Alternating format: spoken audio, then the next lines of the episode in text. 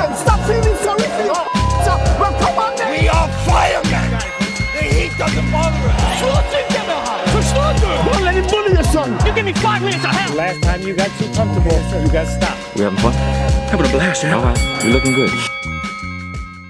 Ja, då är vi ju tillbaka och nu har vi lite mer, eh, vad ska man säga, lite mer atletiskt eh, besök i studion än bara dig och mig Ali. Eh, för att Nebil Ibrahim, OS-klar boxare, varmt välkommen in i studion. Tack så mycket. Eh, Det är väldigt kul att ha dig här just för att som jag sa tidigare eh, i infosnacket att eh, jag har ju skrivit en del om dig liksom genom åren och ofta har man ju rankat då amatörboxare i pound for pound och då är det ju ditt namn som har hamnat högst de senaste åren och ja, helt välförtjänt. Så att jag tänkte först bara höra lite. Du kommer väl direkt från Australien nu? Stämmer det? Ja, jag kom från Australien för, eh, eller jag kom hem för två dagar sedan. Så, ja. Så det är därför jag är lite solbränd. Om, om man kan se det. Snyggt. Och jag tänkte så här, i Australien, vad är, vad är det ni gjorde där? Det var två veckor va? Men eh, hur ser det ut liksom? Kan du ta oss igenom det? Jo, så vi var i Australien i två veckor och där hade vi eh, tr- först träningsläger i två, veck- eh, två veckor. Och sen eh, hade vi sista dagen eh, eh, match där i Canberra. Med de som vi tränade med. Var Så det det- många bra. Mm. Så vi gjorde Var det, cirka var det, 50 Ja, ronder eh, sparring och, eh, och sen match. Okej, men eh, var det många olika länder som var på plats där då, med boxare? Eh, det var eh, ganska relativt många länder, eller det var fyra länder. Eh, Mm. Det skulle ha varit mer egentligen men ja, det var väl lite svårt för dem att komma till Australien. Men det var fyra, det var Sverige, Australien, eh, Filippinerna och eh, Tonga. Okej. Så. Eh, mm.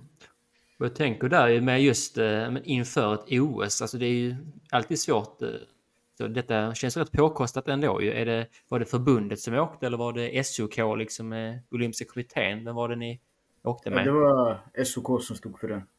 Aha, grymt ju. Eh, och, och jag tänker som så lite, kommer komma in sen mer på din bakgrund och så, men jag är rätt intresserad av nu Boxningsförbundet har ju, ni har ju en ny anställd eh, tränare och sportchef så att säga som ansvar för den biten. Kan du berätta lite om honom och ert samarbete? Eh, ja, exakt. Vi har ju vi har ju fått in från, Eng, äh, från England, äh, Stuart O'Connor. Äh, alltså liksom grym, grym tränare, en grym sportchef. Han försöker att ge oss samma möjligheter som boxare internationellt har. Så han pushar verkligen för det och försöker bygga inhemsk konkurrens. Och så, så att vi pushar oss själva till det yttersta liksom. Så, nej, men han gör mycket bra alltså.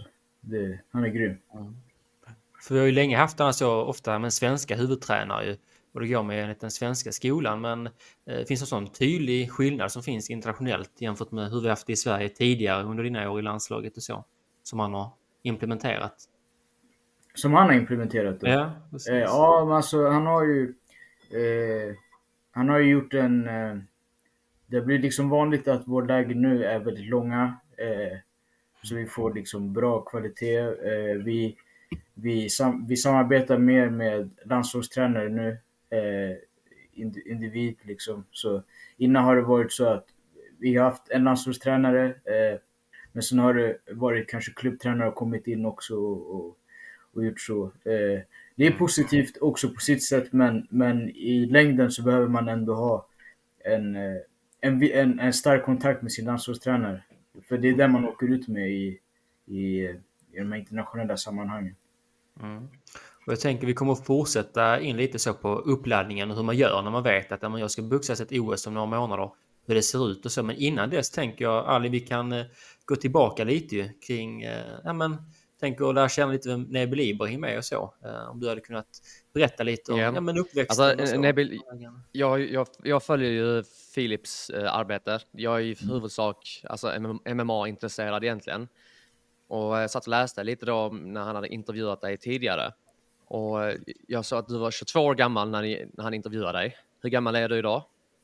Eh, nu är jag 23. Eh, 23, okej. Så relativt ung ändå. Alltså om man säger sett till eh, karriärsmässigt. Eh, men också kanske där på, på gränsen till kanske ta klivet över till eh, nästa nivå. Men innan vi kommer dit då, hur började den här resan med boxningen för dig? Eh, ja, eh, mina, det är många i min familj som har boxats. Eh, så min, mina morbröder, mina storebröder eh, och så. så eh, boxning liksom har alltid funnits där. Eh, så var jag väldigt aktiv som unge. Jag, jag gick på många idrotter, eller ja, relativt många i alla fall. Eh, så i fotboll, innebandy eh, och eh, det är klart då, jag måste prova boxning eftersom att det, alla har gjort det. Eh, men jag, fick, men jag var ju, jag var ju liksom average i allt, som bäst. Eh, jag var average eller dålig. Eh, boxning var jag väl average kanske, men jag fick ganska eh, bra feedback eh, för min träning. För jag var, jag var väldigt träningsvillig som liten. Jag fullföljde alltid mina träningar och oavsett sport, jag gick alltid terminen klart. Eh, jag slutade aldrig liksom halvvägs, jag gick på alla pass och så. Och på boxningen gjorde jag samma och jag fick eh, bra liksom feedback för det. Så då var det kul bara att vara där för att man, man blev sedd liksom. Tungt. Och när, jag tänker i och med att det finns i familjen så jag kan ju tänka mig att snacket kring, alltså när man träffas och så, det måste ju ändå varit boxningen kom på tal. Ja. Alltså förr eller senare så kommer ju boxningen, och jag menar din morbror han var ju också meriterad och eh, ja, men strävade efter att komma långt i boxningen, visst var det så?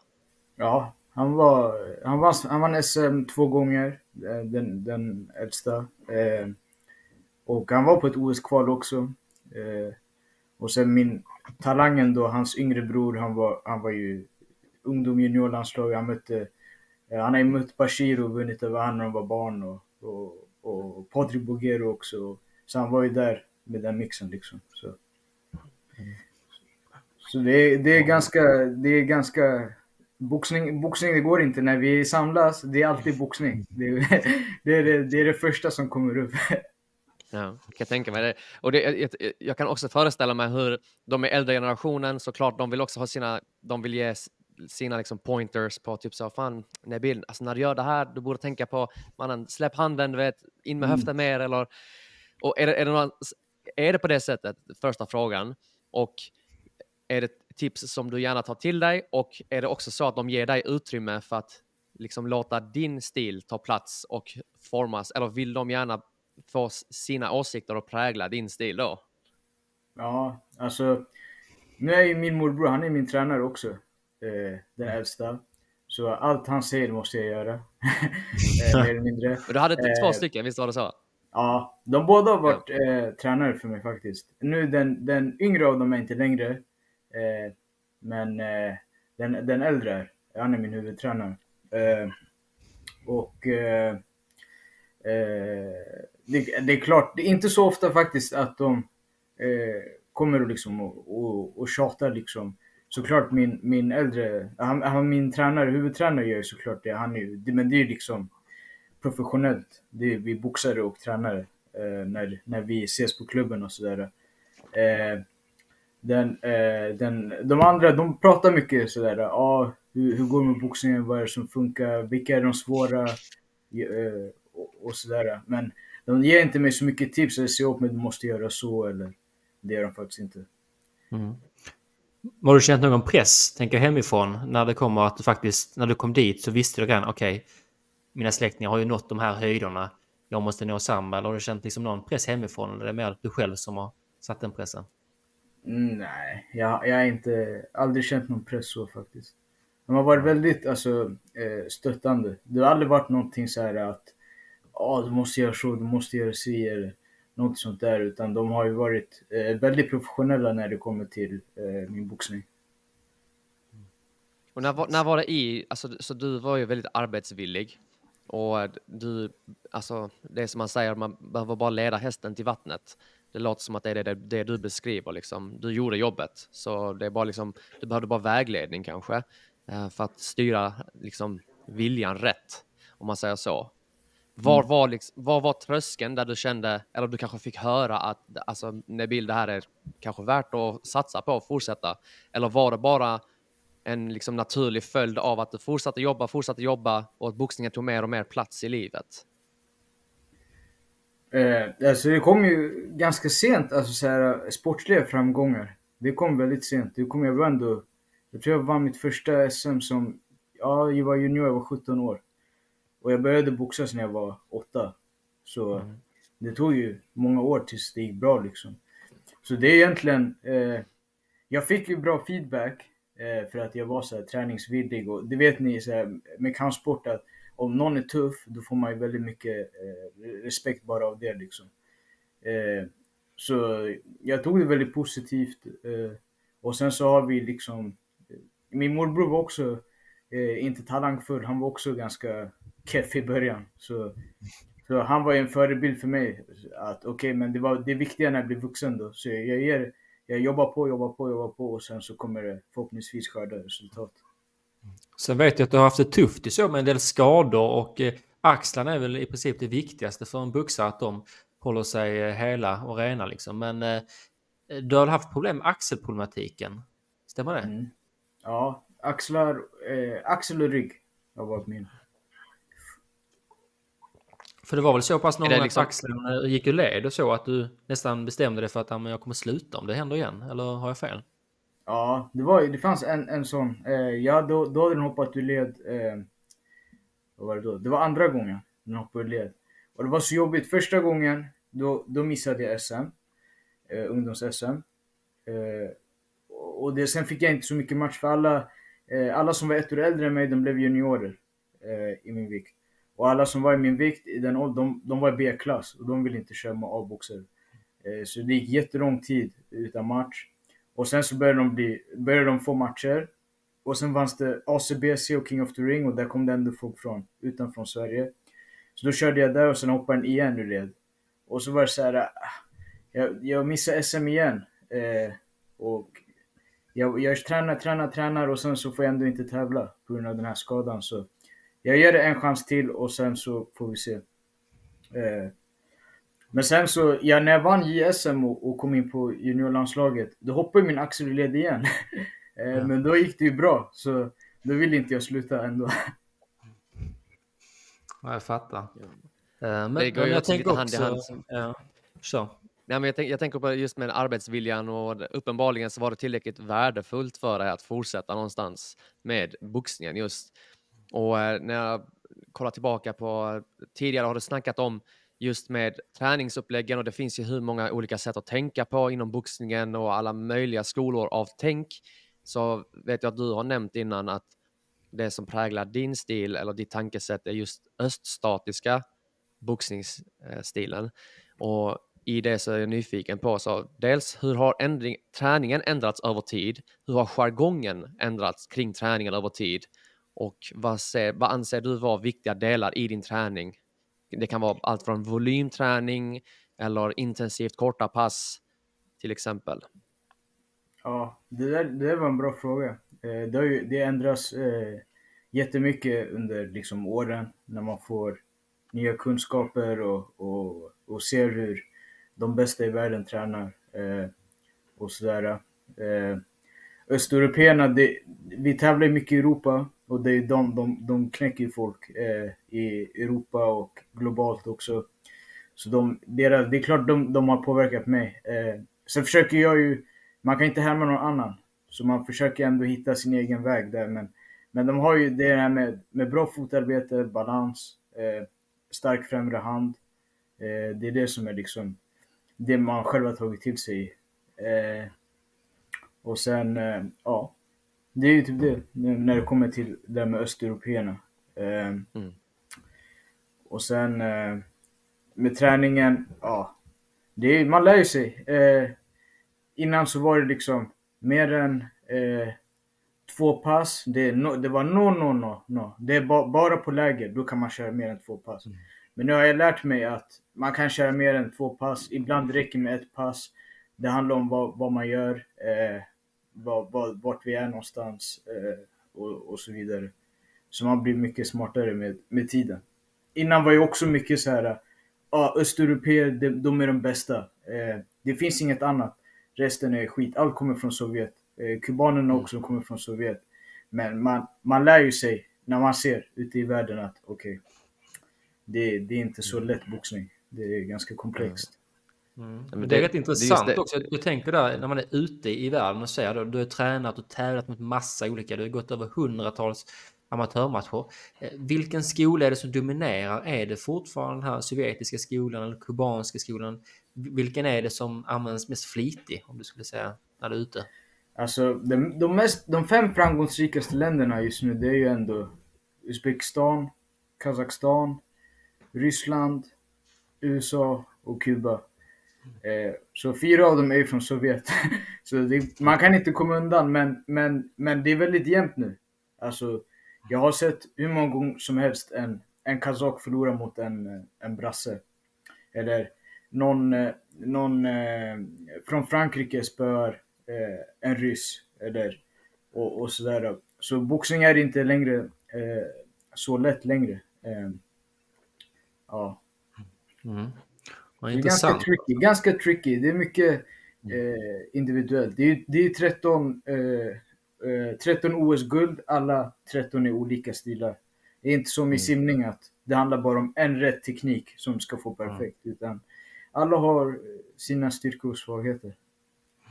Ja, jag tänker boxningen är lite speciell därför att man tränar ju fortfarande ganska likt som man gjorde det kan vi säga, men låt säga 40-50 år sedan jämfört med andra sporter där det hela tiden kommer nya saker som blir det dominerande man ska göra. Eh, men eh, ja, men jag tänker som så här, eh, vi har ju ännu inte kommit in på det. Hur skulle du beskriva dig själv som boxare? Din stil? För om, om man inte sett dig boxas, hur vad hade intrycken varit då? Vad skulle du säga? Ja, alltså. Uff. Det ibland brukar jag eh, tänka lite på det där också faktiskt. Hur skulle jag beskriva mig själv? Eh, det är svårt alltså. Jag är väldigt taktisk boxare. Eh, jag har bra eh, liksom, skolning. Eh, men det är min taktiska bit som är bäst. Jag, jag är liksom inte... Eh, vissa matcher, jag, jag kan vinna på knock. Andra matcher, jag vinner, jag boxar ut dem. Eh, jag kan boxas bakåt, eh, offensivt. Eh, det är allting så är liksom lite beroende på min motståndare. Eh, ja, jag, jag är nog mer en, eh, en kontringsboxare som börjar attacker. Ja, och för lyssnare och så, så är det viktigt att veta att du är ju eh, hemmahavandes i 57 kilo och 60 kilo har du ju boxats i mest ju, senaste åren. Så att det är ju snabba viktklasser, Mm. onekligen. Det är det ju. Men, eh, men du, du var inne på det Ali, också med träningen. För att när man pratar med dig så inser man att det är inte bara din egen träning du fokuserar på. Du är även en tillgång och eh, engagerar dig väldigt mycket i andras utveckling. Lite yngre boxare och så på din lokala klubb i Uppsala. Eh, Du är väl till och med tränare också på, eh, vid sidan om din egen boxning, eller hur? Ja, Hur är det där? ja precis. Så jag, jag är lite eh, tränare. Eh, för eh, 10 till 15 år. Eller jag, jag, jag är ansvarig för den gruppen helt enkelt. Så ja, dubbla karriärer kan man Mm. väl säga. Så jag, jag, de, jag har ett gäng som, som, eh, som tävlar. Eh, jag har eh, massa diplomboxare och sen har jag några ungdomsboxare. Men Nebi, jag tänker också, alltså dubbla karriärer säger du. Och din huvudsakliga karriär kanske, alltså den är ju långt ifrån över. Där du kanske precis till och med börjat på ett sätt. Eh, I alla fall, det har kommit en ny tröskel nu, om man ser det så, med OS. Och nu när du har dina ungdomar, du har de som är yngre, den yngre generationen, vi snackar lite om träningssättet och tankesättet. För du nämnde innan också det här med att eh, vissa, alltså hur jämnt det börjar bli nu ute i världen. Saker som du beskriver i träningen idag låter för många väldigt självklart nu, men för inte många år sedan så var det typ så här, fan, nej, vi, kör, vi har alltid kört så här, vi fortsätter köra så här. Jag tänker mycket ofta, när, när jag har mina ungdomar så tänker jag på eh, sparringen till exempel.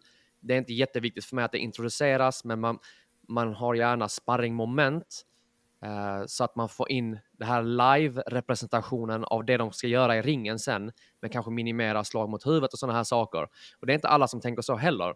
Jag är nyfiken på vad blir det lärdomarna du tar med dig från, från din karriär hittills som du kan ge till ungdomarna Vad är det som du kan rätta till för misstag du kanske själv har gjort från den gamla skolan om man säger det så?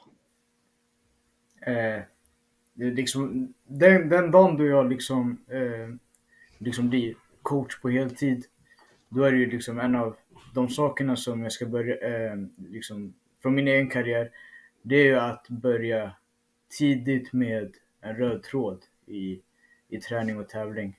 Att det blir liksom eh, att det blir liksom eh, lite mer professionellt, att det finns en, en struktur i träningen, att det finns en struktur i tävlingen.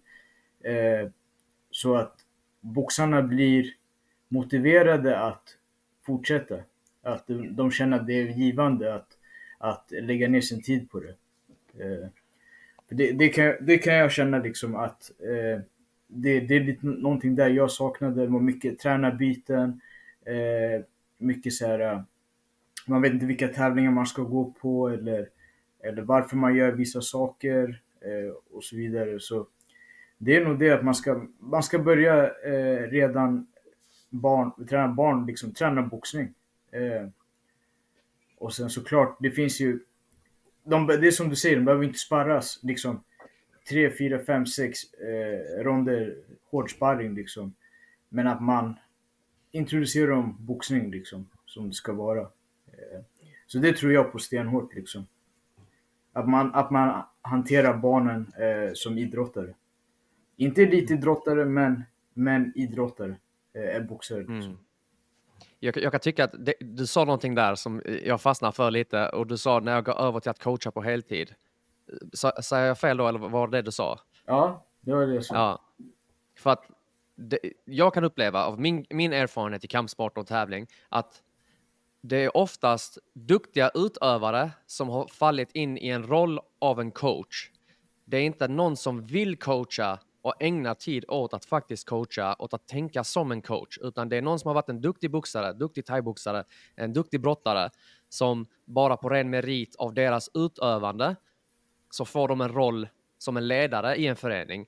Men egentligen så kanske de inte bryr sig om så mycket att ägna tid åt coachning och just att ja, faktiskt skapa en struktur, skapa en plan, någonting man kan följa över tid. Och det, när du sa det, eh, gå över till heltidscoaching, låter det som att det kommer kanske göra skillnaden i just hur du kommer coacha sen eventuellt. Kan det ligga sanning i det? Absolut. Eh, det där känner jag igen eh, väldigt mycket. Eh, det är vanligt i boxning också. Eh, men, men för mig, det är ju som... Jag älskar boxning. Eh, men jag kan inte boxas hela tiden. Eh, så någon gång när handskarna läggs på hyllan så, så har jag redan som ambition att eh, eh, bli tränare på heltid. Och en jävligt duktig tränare också vill jag bli. Eh, för det finns ju där en skillnad också. Det är att även fast du var en bra, varit en bra boxare så kanske du inte blir en bra tränare. Eh, så man vill ju gärna utvecklas som tränare också. Eh, när, när, det, när tiden är, är, gäller liksom. Eh, så det, det, är helt rätt som du säger. Alltså jag, jag vill liksom bli en ordentlig tränare eh, som lägger ner sin tid, eh, som boxarna gör. Eh, och eh, ja, förhoppningsvis eh, göra några champs också. Mm.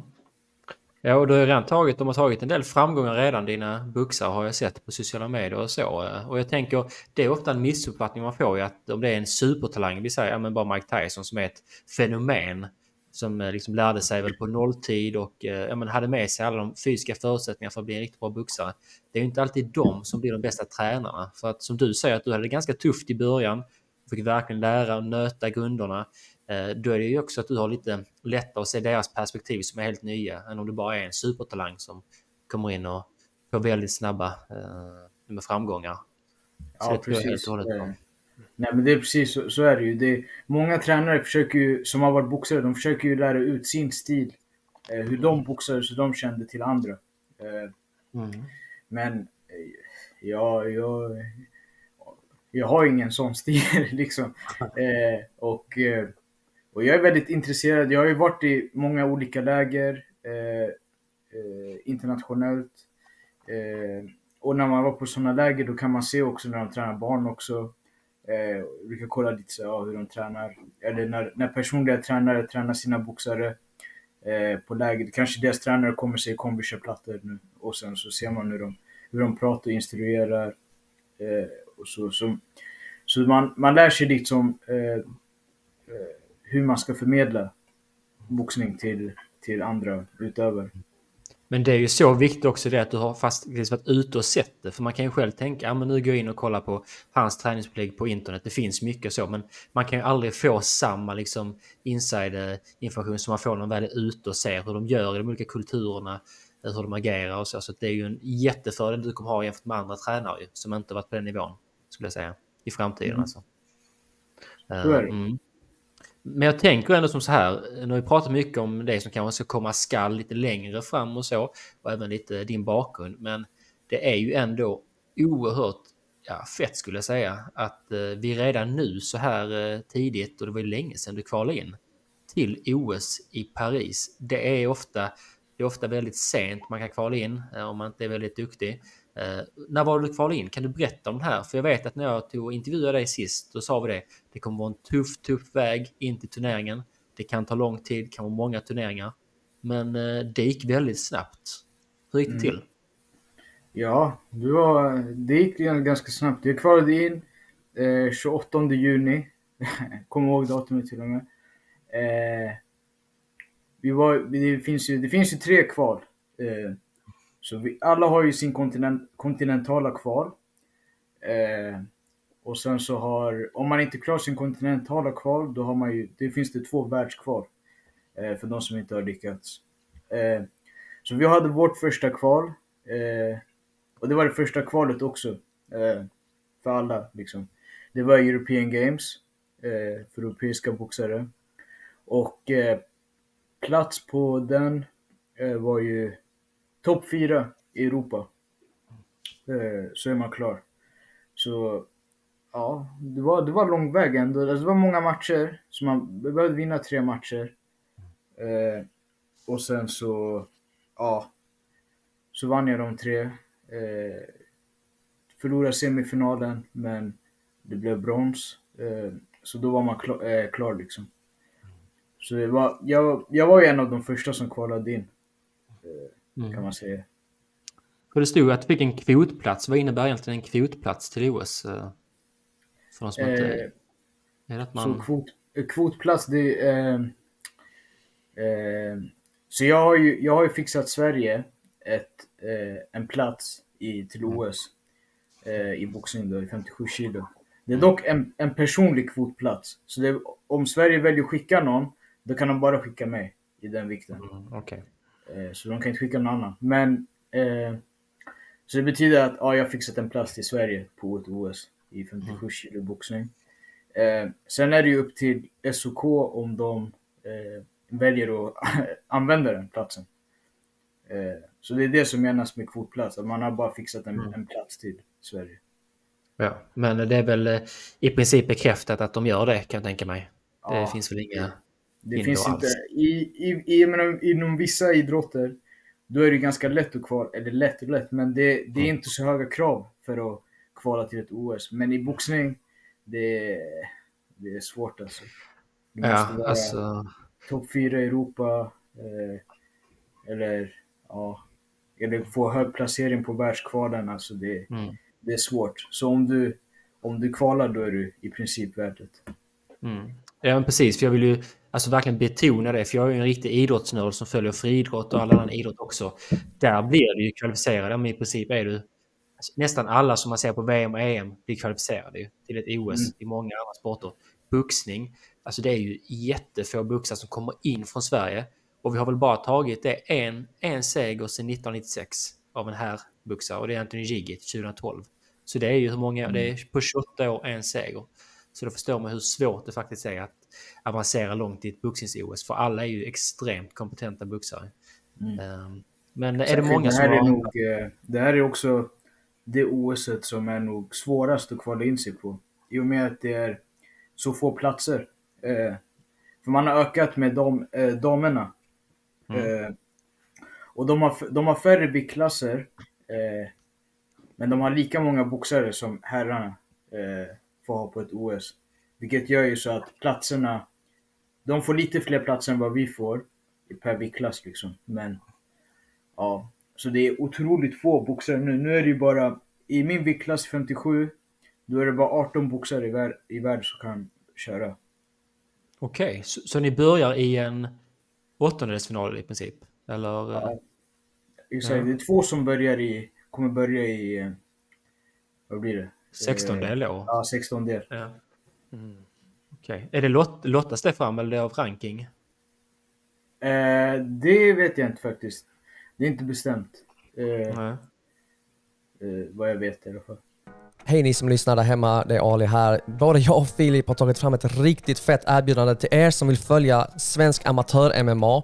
På fightertv.se kan man signa upp till ett VIP-abonnemang och då kan du med vår kod rondvilanvinter24 få 30 kronor rabatt de första 6 månaderna. Det är alltså rondvilan vinter 24, allt sammansatt i ett ord. Istället för 139 betalar du 99 kronor de första 6 månaderna. Jag vet, du tänker överfett, schysst av er, ni är hjältar. Inte riktigt på den nivån, men tack ändå. Ni kan även använda er klubbs kod. Då får ni 15% rabatt och ni stöttar även er lokala klubb. Detta gäller med rondvilan Vinter 24 är det endast vid nyteckning och fram till den 1 april.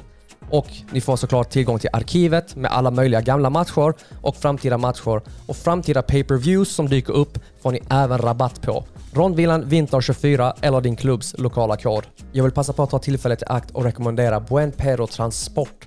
Buen Pero Transport kommer sköta alla dina sorters flyttbehov, transportbehov, lager, förvaringsbehov. Vi snackar inrikesflytt, utrikesflytt, bohagsflytt, kontorsflytt, eh, flyttstädning, packinstruktioner. Du kanske frågar dig själv, vad är en bohagsflytt? Är det när jag flyttar min kussa? Nej, det där är boskapsflytt. Men det kanske de också kan lösa. Hör av dig till dem. B-U-E-N P-E-R-R-O Transport. Buen Pero kanske du frågar dig, vad betyder det Ali? Det ska jag berätta, det betyder duktig vovve. Och alla gillar en duktig vovve, ingen gillar en stygg vovve. Buen Pero Transport, överfett logga också förresten. Och googla dem om ni inte tror mig. Om ni anställer dem, säg att vi skickar er.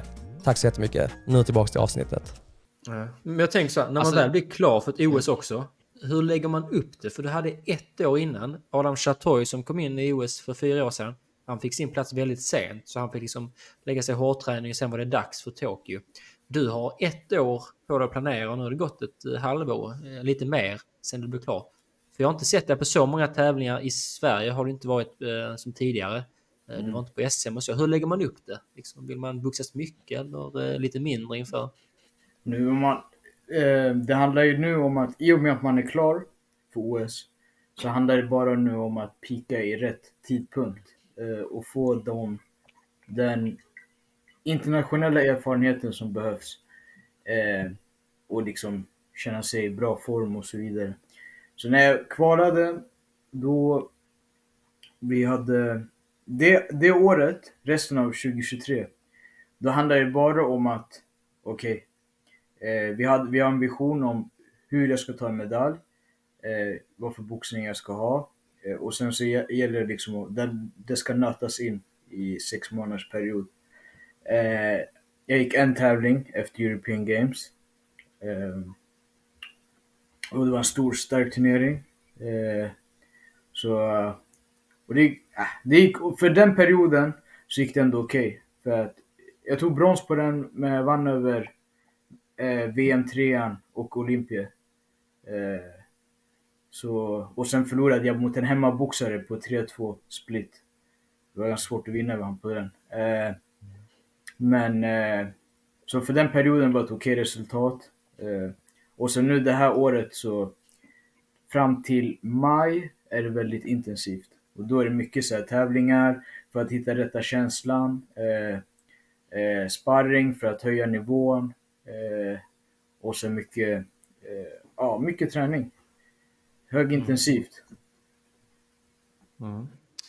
Och hänger man mycket på Bosön då tänker jag, det är ju det är där vi har vår bas eh, för elitidrott. Är det mycket där du är eller hur, när du är hemma i Stockholm tänker jag, i Uppsala? Mm, nej, det är inte så mycket. Inte så. För, för, för Bosön, eh, alltså det, det jag behöver det är ju eh, kvalitativ träning när jag är hemma i, i Sverige liksom. Eh, och eh, Alltså Bosön, det är inte som, vi brukar vi har ingen som en centralisering att vi samlas oftast på ett ställe och, och sen så tränar vi liksom, eh, utan vi tränar mycket själva. Eh, och eh, så jag, jag har ju min tränare Musa eh, som, som kör mycket privat med mig, finslipar och, och kör. Och sen när det kommer till sparringar och sånt där, då får man ju resa lite runt Stockholmsområden. Eh, till deras klubb eller och så vidare. Men Bosön är ju också, det är väl i huvudsak också mycket fys och särskilt specialiserat på tester och Ja, alltså kanske mer friidrottarna och sådana här grejer om inte jag minns fel. ja det, det är liksom, det är ett elitcenter, ish, Mm. kan jag ju säga. Det är som Ja. ett, det, det, Bosön är konstigt. Det är som ett hotell, Mm. Men det är ett elitcenter för idrottare. Eh, och sen är det en skola också. Det är mycket grejer i, i det stället. Eh, Och eh, jag, känner inte, alltså, jag känner inte generellt att det är eh, en viktig nyckel i min eh, förberedelse för OS. Liksom. Utan jag försöker liksom, när jag, när jag är hemma i Sverige, då försöker jag liksom att eh, höja min boxning. Försöka från min erfarenhet eh, när jag varit utomlands eh, rätta till mina misstag och höja det som är bra. Eh, och det kan jag endast göra med, med mina tränare. Eh, Mm. Så det är det. Du, du snackar om att höja din boxning, Nabil. Och du, du kan göra, det, det mesta du kan göra är ju att lägga ner tiden på träningen och fokusera på att utvecklas. Eh, sen finns det något att säga om också vilken uppmärksamhet man får. Och får man uppmärksamhet som en idrottare så kan det också innebära, att folk vill kanske samarbeta med en. Eh, det kan innebära eh, mer pengar in i karriären och det kanske innebär också att man kanske inte behöver ägna tid åt andra saker som alltså jobba på, på annat håll för att tjäna pengar och ägna mer tid åt idrotten. Och alltså mitt intryck är ändå att svensk boxning får, alltså sett till elitutövarna i boxning-Sverige så får de ändå hyfsat stöd. Men det är inte alls vad man skulle kunna tänka sig, särskilt inte för, alltså nu har du alltså kvalat till OS. Och jag vet inte, du, du kanske inte kan lämna hemmet nu, alltså liksom blixtarna bara kommer från kamerorna från alla håll och kanter. Det, jag vet inte, jag, jag misstänker att det inte är så med tanke på att vi bor i Sverige. Och det hade nog varit så i andra länder, särskilt öststaterna. Men eh, är, är det någonting du kan känna av att alltså, ni saknar stödet som ni, ni hade förtjänat som idrottare? Och eh, i så fall, i vilken bemärkelse saknas det stödet? Ja, jag, jag kan känna att det, det, det saknas eh, stöd för idrott generellt i Sverige, men, men eh, särskilt i boxning. Eh, vi har inte, vi, vi kan inte leva på sporten. Eh, och då, då, då, förväntar vi oss, då förväntar vi oss inte att bli liksom miljonärer eller någonting sånt, men ja, vi ska kunna göra en, en, en fullbordig satsning. Eh, kunna fokusera bara på boxningen. Den förutsättningen har vi inte. Eh, vi har inte pengarna heller för att kunna ha ett elitcenter eh, där vi skulle kunna bo i en viss antal veckor och kunna träna på heltid. Eh, sponsorer är ganska svårt att få eh, som boxare. Eh, men jag tror det är svårt att få sponsorer överlag om man inte liksom är driven och aktiv och, och, sådär. Eh, så ja, det, det, är lite, det är lite svårt men, men jag ska inte klaga. Jag är ganska bra. Eh, utan att försöka eh, tracka ner någon annan. Men, men, men jag är ganska bra. Jag, jag bor hemma, eh, men jag har ändå eh, en viss form av inkomst genom SOK. Så jag kan göra en, eh, eh, en hyfsad satsning med det jag har. Jag behöver inte, jag får lite pengar från klubben av mitt arbete som coach också, men, men jag behöver aldrig oroa mig att om jag inte kan hålla ett pass eller att om jag blir borta under en månad eller något sånt där. Jag behöver aldrig oroa mig för att jag inte kommer ha pengar. Eh, så jag får det att gå runt liksom. Eh, Så jag har det ganska bra på det sättet. Eh, tyvärr så är det ju långt ifrån allihopa som, eh, som har det. Eh, innan jag kom in i Topp och Talang så var det ju, ah, då var det då var det kämpigt. Om man missade en månad här och, och, och sådär, då... Det var tufft. Var det tufft? Men Ja. nu är det mycket bättre. Men om, Mm. om man säger, alltså i mi, min erfarenhet och mitt intryck är, alltså de, dels kampsport kan vi redan alla intyga om att får inte den kärleken som andra idrotter. Och särskilt individuella sporter kanske får mindre än andra sporter. Och så- slår du ihop dem så har du kampsporterna. Och jag vet inte om det, om det är någonting du kan känna igen eh, eller om det finns andra anledningar som du tror som gör att man kanske inte får det stödet som kampsportare i Sverige. Alltså, jag tror att eh, som om ett förbund ska kunna hjälpa en, en idrottare, då måste ju förbundet må bra, liksom ekonomiskt. Eh, och ett förbund kan ju bara må bra om den får in liksom, pengar eh, genom reklam eller sponsorer eller något sånt där. Eh, tyvärr så är ju inte liksom eh, kampsport i Sverige så eh, MMA börjar bli ganska hyfsat, men ändå inte på en nivå som friidrott eller hockey eller fotboll är. Eh, så det finns ju liksom inte... Eh, vi måste ju få någon, någon form av stjärna eh, inom kampsporten för att, för att väcka intresse, för att väcka liksom möjligheter eh, och sådär. Och det som är det som liksom är problemet, det är att eh, för att, för att generellt att få fram bra liksom idrottare så behövs det ju ekonom, ekonomi liksom. Särskilt i, i en sport som boxning där det är globalt är stort och där det är så mycket pengar som satsas. Eh, och om vi inte har det från början, då blir det svårt att skapa eh, alltså, boxare hela tiden, så här doff, doff, doff som kommer fram. Eh, så det är lite så här, vi, vi behöver pengar för att bli bra, men vi kommer inte få pengar för att, eh, tills vi blir bra. Mm. Så det blir... Det är lite, lite tvåeggat. Ja, det är exakt. Det blir lite problem. Eh, så det är egentligen, alltså jag tror inte det är något agg så mot kampsport i, i Sverige. Alltså det är något hat, men det är ju, det är ju, eh, alltså vi har bara inte eh, någonting som kan eh, göra, göra så att vi får in pengar liksom. Det är så är det ju. Eh, ja, för att staten hjälper ju inte någon idrott egentligen eh, med pengar så. Det är inte så här att man satsar, vi satsar ju på vägar och skolor och jag vet inte vad, men, men ingenting på idrott. Eh, särskilt elitidrott i Sverige. Så, Mm. Så det handlar ju om att försöka få in så här. eh, Förbunden måste få in sponsorer, eh, eh, sponsorer, reklam, kunna synas, bygga upp en stjärna eh, i Sverige. Det är det som behövs. Tycker du att det finns något arbete från Svenska Boxningsförbundet nu att bygga upp dig som en förebild och stjärna? Jag vet att de har lagt en landskamp nu i din hemstad Uppsala va? mot Skottland om jag inte har fel. Eh, Finns det något sånt att ni försöker göra lite, ja, men kanske lite reklam och innehåll i deras kanaler för att sprida det mer? Eller? Det blir mer på Ja. egen hand. Eller vad, vad var Känner- frågan? Alltså jag känner av att de gör ett arbete, förbundet nu med att försöka lyfta upp dig som redan är klar för OS och göra lite extra reklam och kanske ja, men lite innehåll i deras kanaler och så. Ja, men de försöker. Det, det, det ser jag. Eh, De har, inte, de har inte sagt så här att vi ska göra det till en stjärna.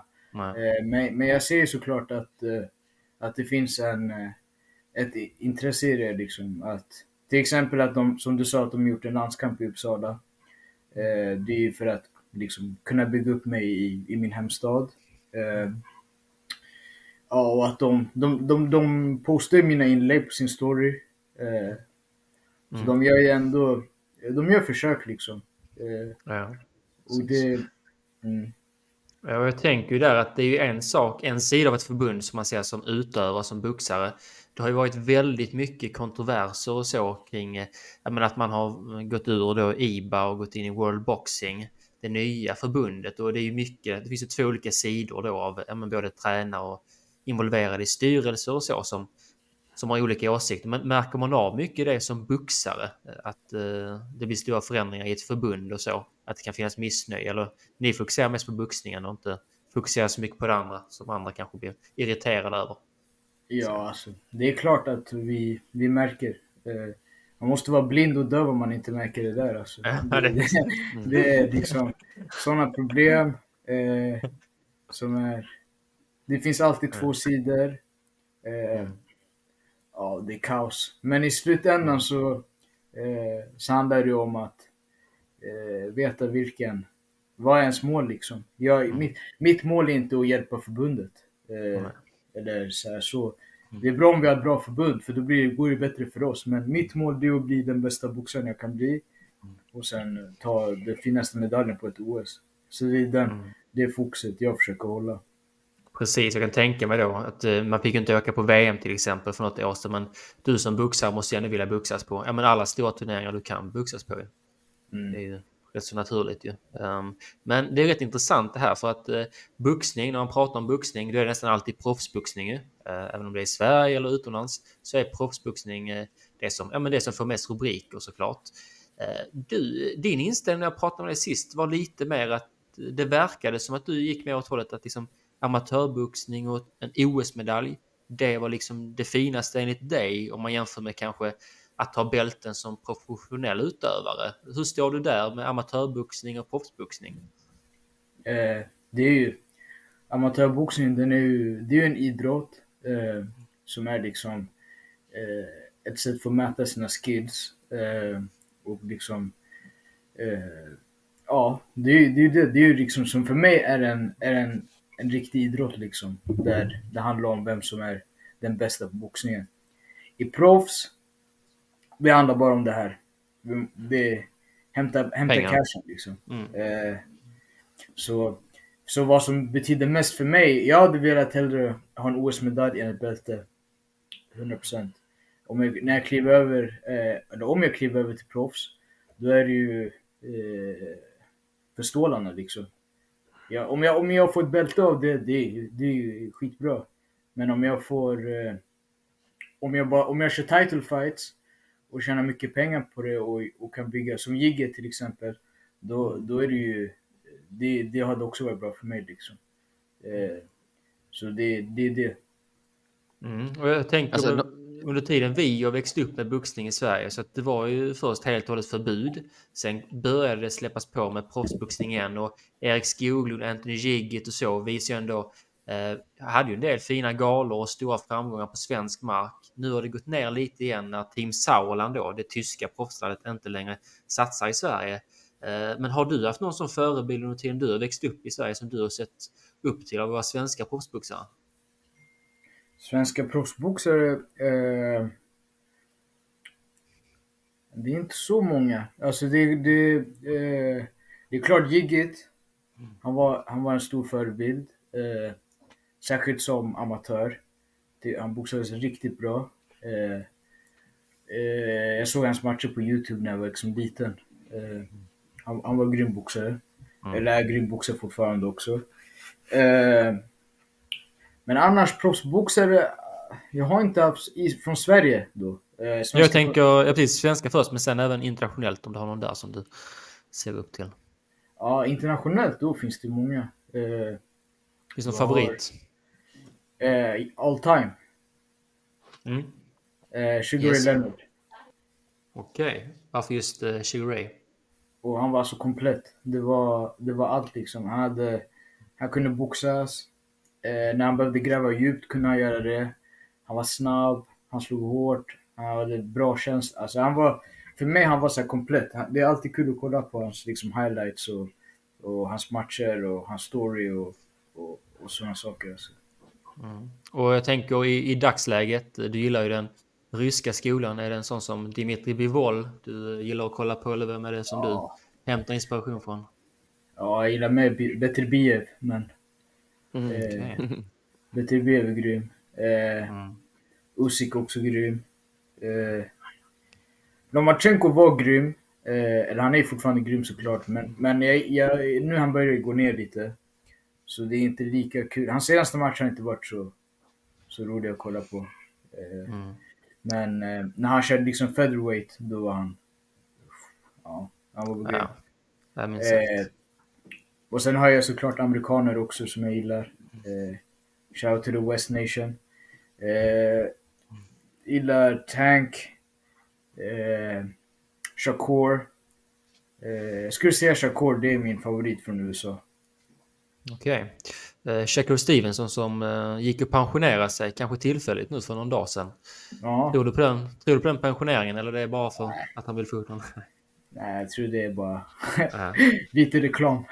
Ja. Men jag tänker att det vore tjänstefel. Det, det, det är det jag menar liksom med, eh, med proffsboxning kontra eh, amatörboxning. Det är som om, om, en, om en amatörboxare säger jag, jag lägger ner liksom. Då tar du det liksom seriöst. Men Mm. när en proffsboxare, allting är show. Eh, Man Mm. vet aldrig liksom. Tyson Fury, han, han, han är ju värsta showman liksom. Eh, grym boxare men, men eh, det är för mycket så show, för mycket så här lägga ner, jag retire, nu är jag tillbaka, nu gör jag si, nu gör jag så. Förstår? Det är, det är inte liksom riktigt så här, eh, det är entertainment. Ja. Det är därför jag är mer eh, lutar mig åt amatörboxning. Ja, jag har två frågor där faktiskt, just på det ämnet bara. Eh, För Tyson Fury, han lyckades ju aldrig ta sig till OS som eh, amatörboxare och sådär. Eh, Så jag har två frågor, men först är bara så här. Hade Tyson Fury idag gått in och vunnit OS i tungvikt? Om han hade kommit ner i vikt liksom. Vad tror du? Rent bara spekulativt. Om man så verkligen tar proffs till amatör, det är tre ronder. Om man, om man tar guld eh, på Mm, OS? tar en guld. Ja. Nej, Nej. det tror jag inte. Nej. Han har Sen chans, då- men, men Ja. han, har, han skulle nog kunna, han har nog av proffsboxare så är han en av de som har störst chans. Men eh, för att han är så rörlig och, och, och så konstig och sådär. Men Mm. nej, jag tror inte det. Nej, det är intressant. Man ska ju inte underskatta alltså, OS-boxning. Det är en väldigt hög nivå. Och jag tänker det är ju tjänstefel om inte jag aldrig frågar dig nu när vi har en eh, boxningsguru i studion. Det är om två veckor, Alexander Usyk mot Tyson Fury, efterlängtat. I vilken hörna står du? Vad tror du rent utifrån din professionella synpunkt? Vem vinner? Mm. Bra match. Eh, Ja, men jag, jag, tror, jag, jag, jag tror Usyk faktiskt. Mm. Och är varför i så fall? Vad sa du? Varför i så fall? Eh, ja, men helt det är ju mer för att eh, han har växt in sig nu i tungvikten. Eh, han, har, eh, han har varit ganska aktiv ändå. Eh, jag menar, liksom, Fury, han, han har inte varit så aktiv. Han, han har låtit han vara för länge liksom. Han borde ha tagit han tidigt, snabbt. När han fortfarande inte hade växt till sig än. När han var liksom, han var en riktig cruiserweight som bara gick upp. Nu har han blivit stark och eh, fått bra självförtroende för att det går bra för honom och, och, och sådana bitar. Så nej, jag tror, jag tror Usyk. tror han löser det faktiskt. Mm. En, en följdfråga i så fall till det. För att jag är ju extremt casual vad det gäller, det gäller proffsboxningen. Jag håller koll på alla stjärnorna och de som vars boxningsstil lämpar sig bra överlag till andra kampsporter också. Och eh, du har Francis Ngannou som möter Anthony Joshua. Ett, bryr du dig? Och två, vem tar den? Och varför? Efter, efter hans performance mot Fury så bryr jag mig faktiskt om den matchen. Det kan bli Ja. ändå, men jag tror, eh, jag tror ändå Joshua han, han tar det. Eh, inte för att eh, se ner på Francis, men jag tror nog Fury inte tog det så seriöst den matchen. Eh, han är ju en skojare den där Fury. Eh, men, eh, eh men han gjorde bra Francis. Eh, jag tror Joshua är mer, han är mer seriös som idrottare. Eh, och han har mer att förlora än vad, eh, vad, Fur, än vad Francis har att förlora. Eh, Francis, han, han, han är ju liksom... Att han gör bra ifrån sig bara tror jag är, skitbra för honom. Eh, rent som pengar och, och eh, matchmöjligheter. Medan Joshua, han har ju... Om han förlorar, han har... Eh, alltså hans karriär kanske är slut då. Eh, så, så han måste ju vinna den här matchen. Och Alltså- helst med bra marginal också. Så det kan vara en press för honom, liksom. men jag tror att, men jag tror att det där kommer göra liksom skillnaden för honom. Mm. Men jag, jag tänker, alltså på ett sätt, jag, jag fattar ditt perspektiv och jag kan hålla med på ett sätt, men jag kan också se hur, oavsett hur det går, så är det enormt för boxning, för all uppmärksamhet för boxning är bra för boxningen också på ett sätt, kan jag se det. Eh, sen någonstans så vet alla att tungvikten, den kan vara lite så, alltså ett slag kan släcka vem som helst, så boxningen i tungvikt kanske inte är representativ för konsten boxning i sin helhet. Jag skulle nog säga att din viktklass, alltså, och några viktklasser upp och ner därifrån, är mer representativ för konsten boxning. Medan i tungvikten så kan man komma in som en idrottare, en faktisk atlet och vara väldigt påvisande med sin vilja mot bland de bästa. Uh, och ja, alltså som du säger, just med Joshua, han tar ju sin träning på, eh, seriöst på ett helt annat sätt och särskilt nu inför sin senaste match så sa han ju det att han har lagt in en ny växel också. Uh, men just det här med kändisboxning och sådana här grejer överlag. Är du intresserad och kollar du? Eller är det mer som jag sa, guilty pleasure, typ så, ja. Du kollade polisen kanske eller något? Nej, sån här kändisboxning så, nej, jag, jag, jag duckar dem alla. Jag har inte sett, jag har inte ja. sett någonting med Mayweather. Uh, jag har inte sett oh. någon av de här YouTubesarna. Uh, mm.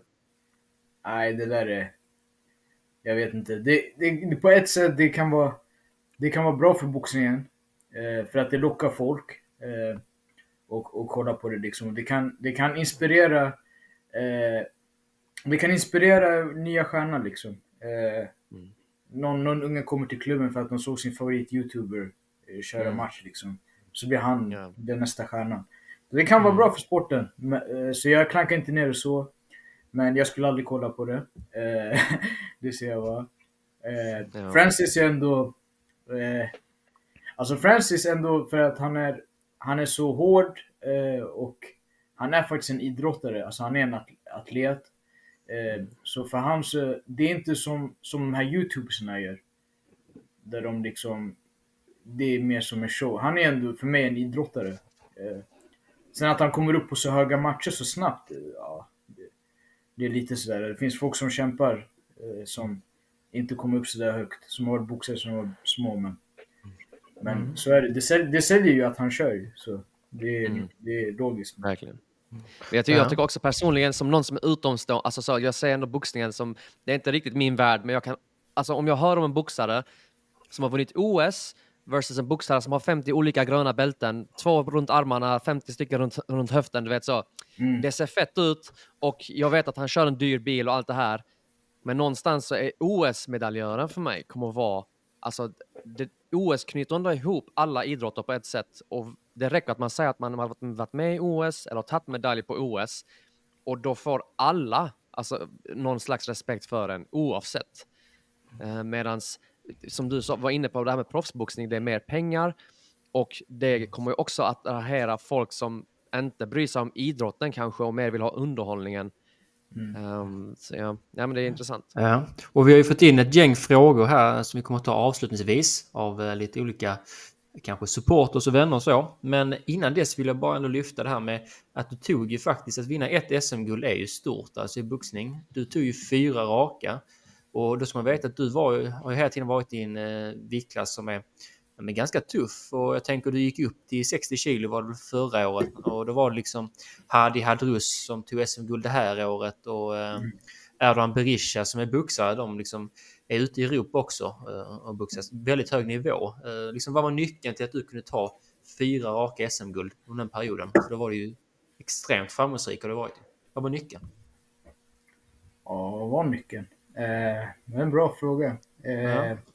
men, men jag tror så här jag tror att eh, jag som boxare är, är nog mer än bara en boxare, utan jag är även en atlet.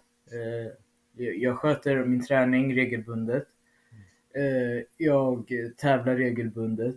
Eh, jag har bra kost eh, mestadels. Jag försöker eh, ha bra, eh, fixa till sömnen. Alltså, jag, jag lever som, liksom, som en atlet gör. Eh, Många boxare kanske inte gör det.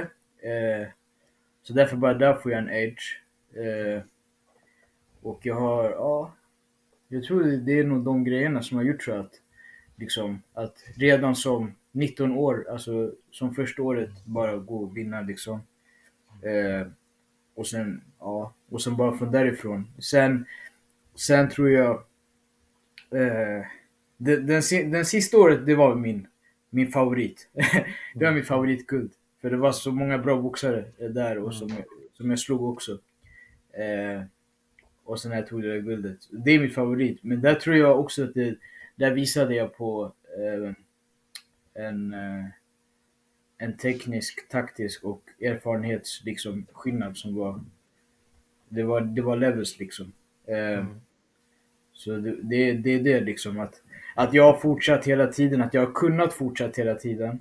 Eh, det har ju byggt upp en, en rutin och skills. Och sådär. Som, som just nu, om, om jag ska vara helt ärlig, det är inte, det är någonting annat i Sverige liksom. Eh, det finns inte på, på det sättet. Ja. Och du har ju fyra guld. Eh, Du nämnde ju tidigare Bashir Hassan. Att eh, din morbror var det som hade mött honom. Han har väl nio seniorguld, SM-guld. Tror jag det Nej, var. han har elva. Han har elva, just det. Var Pettersson som hade nio. Sen fick Mm. han elva. Ja, det, ja, det är många. Men har du någon sån målsättning om att liksom, om du skulle stanna som amatör att försöka nå upp till de nivåerna? Det är ju väldigt... Det är många guld. Det är fan för mycket. Elva SM-guld, shit. Det, då måste Ja, jag det- ta 12 om jag ska bli ny. Ja, precis. det, är fan för mycket. Det, det är alldeles Ja. för mycket. Eh, Ja. Då blir jag proffs. Om jag ska fortsätta så länge. Ja. Ja, Okej, så det är i så fall att det blir proffssvängen i så fall. Mm. Ja. Intressant. Men det är sjukt att han fick 11 guld. Det är faktiskt en uh, rejäl bragd alltså. Det var ju, det är ju liksom... Eh, eh, hur ska man säga? Det är liksom... Eh, Bashir är ju som, för mig, när jag var liten, han var en jättestor förebild för mig. Han boxade ju samtidigt som mig, eh, fast jag var, jag var ju bebis. Men, eh, som han, han, han har ju visat mig vägen. Eh, och han är ju liksom en riktig eh, alltså tekniker, alltså riktig så jävla bra boxare. Alltså, det, det är helt sjukt. Han har liksom visat mig ja, det är så här man ska göra. Liksom. Eh, så all respekt till honom. Eh, och sen han har ju, och det är lite samma där. att nu i det här fallet nu, eh, så det är mycket nu på att den, den nivån jag är på eh, och den rutinen jag har, det gör så att ett SM för mig inte är så svårt att vinna om man säger så. Alltså inte för att, inte för att klanka ner på andra eller någonting sånt men, men det är ändå, jag är över 100 matcher, jag boxar sedan jag var eh, åtta år, eh, jag box, boxas internationellt sedan jag var 17. Alltså man bygger upp en viss nivå som det, i Sverige det är väldigt svårt att, nå det liksom. Och det är det Bashir han hade också. Eh, så, men han borde ha blivit proffs alltså, tycker jag. Mm. Ja, absolut. Han hade ju verkligen hållit även i den branschen. Men eh, jag tänker vi har några frågor. Den första tror jag är lite eh, internt. Från, eh, ja, det är anonymt, men jag tror det är en landslagspolare. Eh, jo, det är det. Känner du El Matador? Är frågan. Ja. El Matador, shoutout till El Matador. Vem är det? Det är... Eh, eh, det är Majd. Majd Al-Safadi. Ja. Hammarbyboxaren. Ja, han var boxaren, exakt. Mm. Eh, och sen har vi också en... Vad var din största uppoffring för att komma dit du är idag? Mm. Den största uppoffringen, det var min tid, eh, skulle jag säga. Alltså så här, fritid. Eh, när polarna sa ah, kom vi går ut och gör någonting, då säger jag nej. Jag ska träna imorgon. Eller, eller, de, eller min familj, vi ska träffas. Då jag säger nej, jag har träning. Eh, när jag ska på läger. Eller, eller jag vill inte åka på semester för jag vill kunna träna hemma. Eh, Sådana saker. Så jag tror tiden är den som har... Det är min största uppoffring. Och eh, vilka är de bästa intervallerna för att öka boxningskonditionen? Mm. Det var svår. Eh, Ja. Men ja, sprinter skulle jag säga. Kör 400 meter gånger 3. Vila max då. Eh, varje vila 3 minuter. Sen kör 200 meter eh, gånger 4. Vila eh, en minut. Och sen kör fem stycken 100 meter. Promenera tillbaka. Där har vi formen för att bli en... eh, För att ta ett SM-guld kanske. Det var inte så enkelt men att ja. Eh, Och sen en sista. Eh, Vad skulle du säga har varit mest avgörande för din framgång och utveckling? Finns det någonting som har varit men det är därför jag nådde dit och inte de andra? Mm. Jag skulle säga eh, tiden. Eh, att vara konsekvent i mitt arbete. Eh, mycket teknikträning. Eh, ja, det är det. Mm. De tre sakerna, jag tror det var det, var det som, det är det som har gjort mig. Är, det känns som att många gånger när folk frågar sådana här frågor så kanske de är ute efter någon speciell krydda man kan hitta på en hylla inne på Ica och så bara lägger man det på sin måltid och så löser det allt. Men Aha. i stort sett så det du säger är hårt arbete egentligen. Och uppenbarligen, alltså när man hör så som du snackar om boxningen så du älskar ju det här också. Det, det låter inte som att det har varit svårt för dig att hålla till träningarna även om man är sliten och så mer eller mindre. Ja, det blir, men det blir lite, lite sådär. Sen ibland, det är inte... I grund och botten måste man ju ha kärleken för sporten. Eh, Så är det. Eh, men har du det i grund och botten, då kan du ju träna när det inte alltid är så kul att träna. Eh, och det är det som är liksom receptet. Eh, Mm. och det handlar om att vara eh, eh, konsekvent i sin arbete. Alltså det där är jätteviktigt, att man eh, har tålamod och låter eh, det ta sin tid. Boxning är en maraton, inte en sprint brukar jag säga. Mm. Och, och jag tänker, innan jag slutar bara, jag skulle bara vilja ha en fråga till som jag har tänkt mycket på. För att Mm. det är inte, några år sedan så var det Lyd som var den, den talangen som kom upp och nu har du, du har fyllt 23 eh, och börjar bli liksom, ja, men lite i mitt, mittenåldern så ju.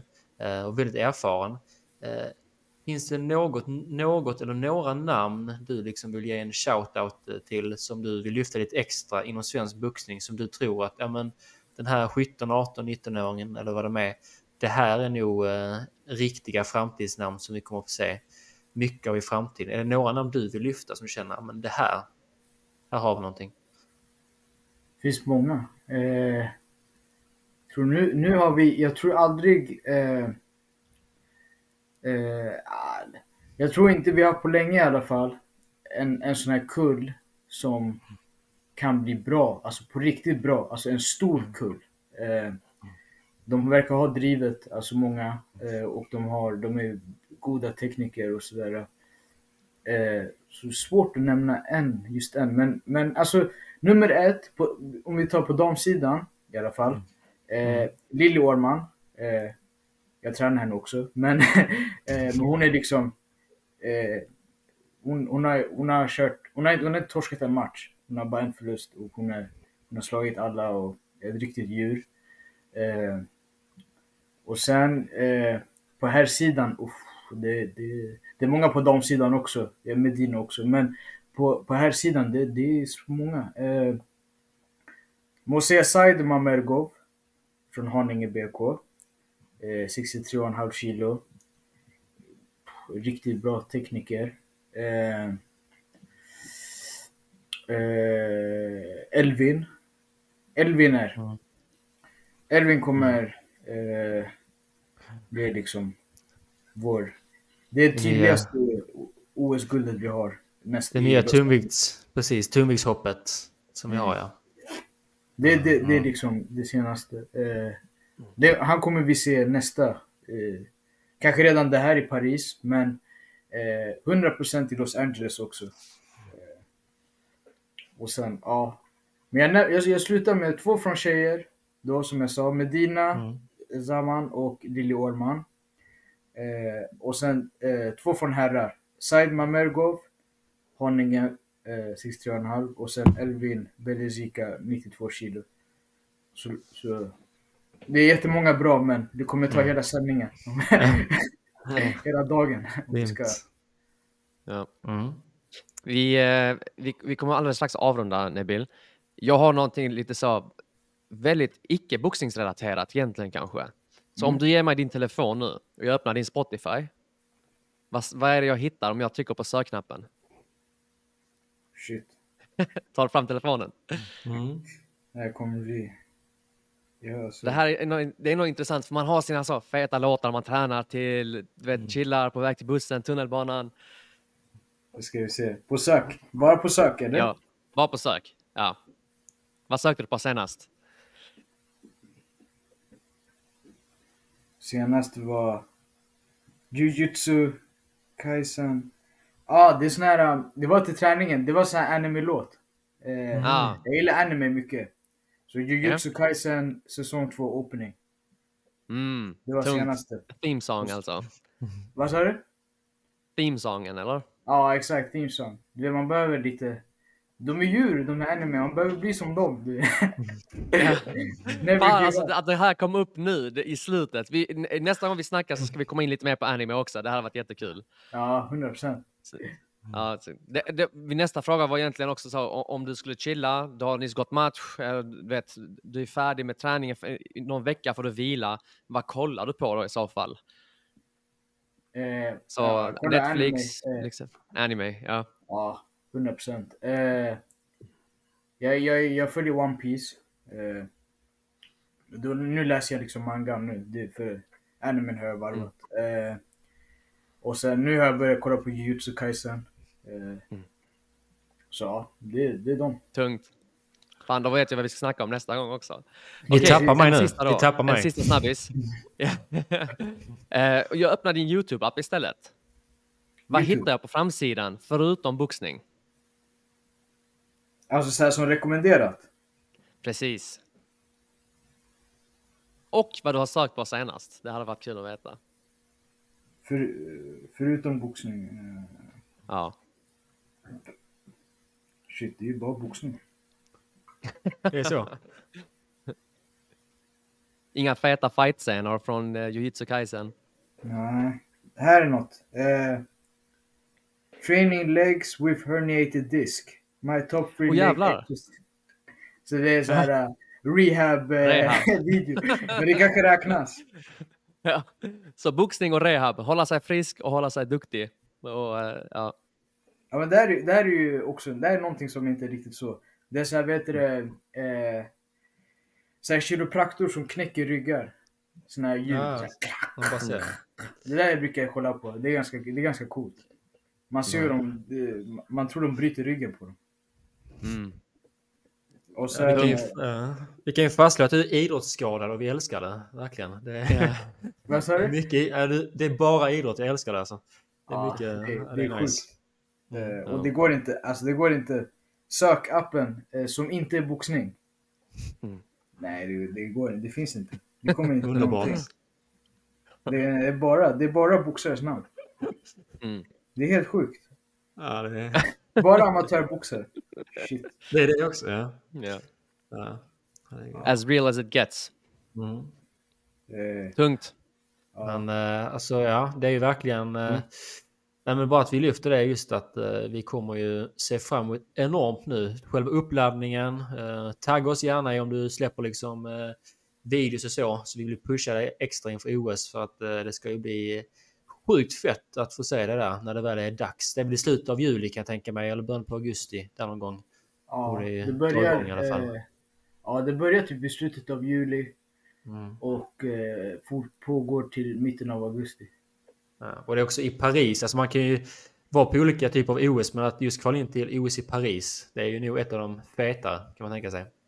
Ja, det, Kommer det det bli? kommer bli. Jag, jag redan nu eh, så här, sen vi kollat lite hur det ser ut och så ja, det ser bra Mm. ut alltså.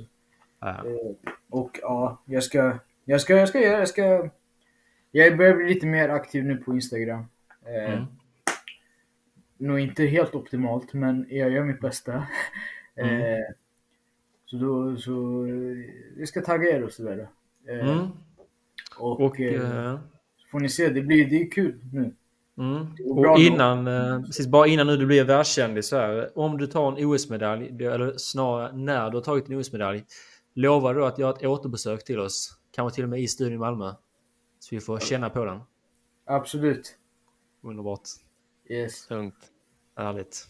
Ja. Grymt. Eh, Ne- Nebil, jag vill jättegärna, jag vill också tacka för att du har kommit hit. Eh, eller i alla fall digitalt just nu. Det skulle varit jättefett att ha dig i studion i Malmö. Och eh, se fram emot att snacka lite anime också då kanske. Absolut. Jag ser fram emot det redan. Och tack för att jag fick komma. Det var, det var superkul. Fett. Tack så mycket Neville. Grymt. Yes. Listen, stop feeling sorry for your. We are firemen! The heat doesn't bother us. Slå tycker jag har. Förstår du? Don't let him bully your son. You give me five minutes of hell. Last time you got too comfortable, you got stopped. We having fun? Having a blast, man. All right. You're looking good.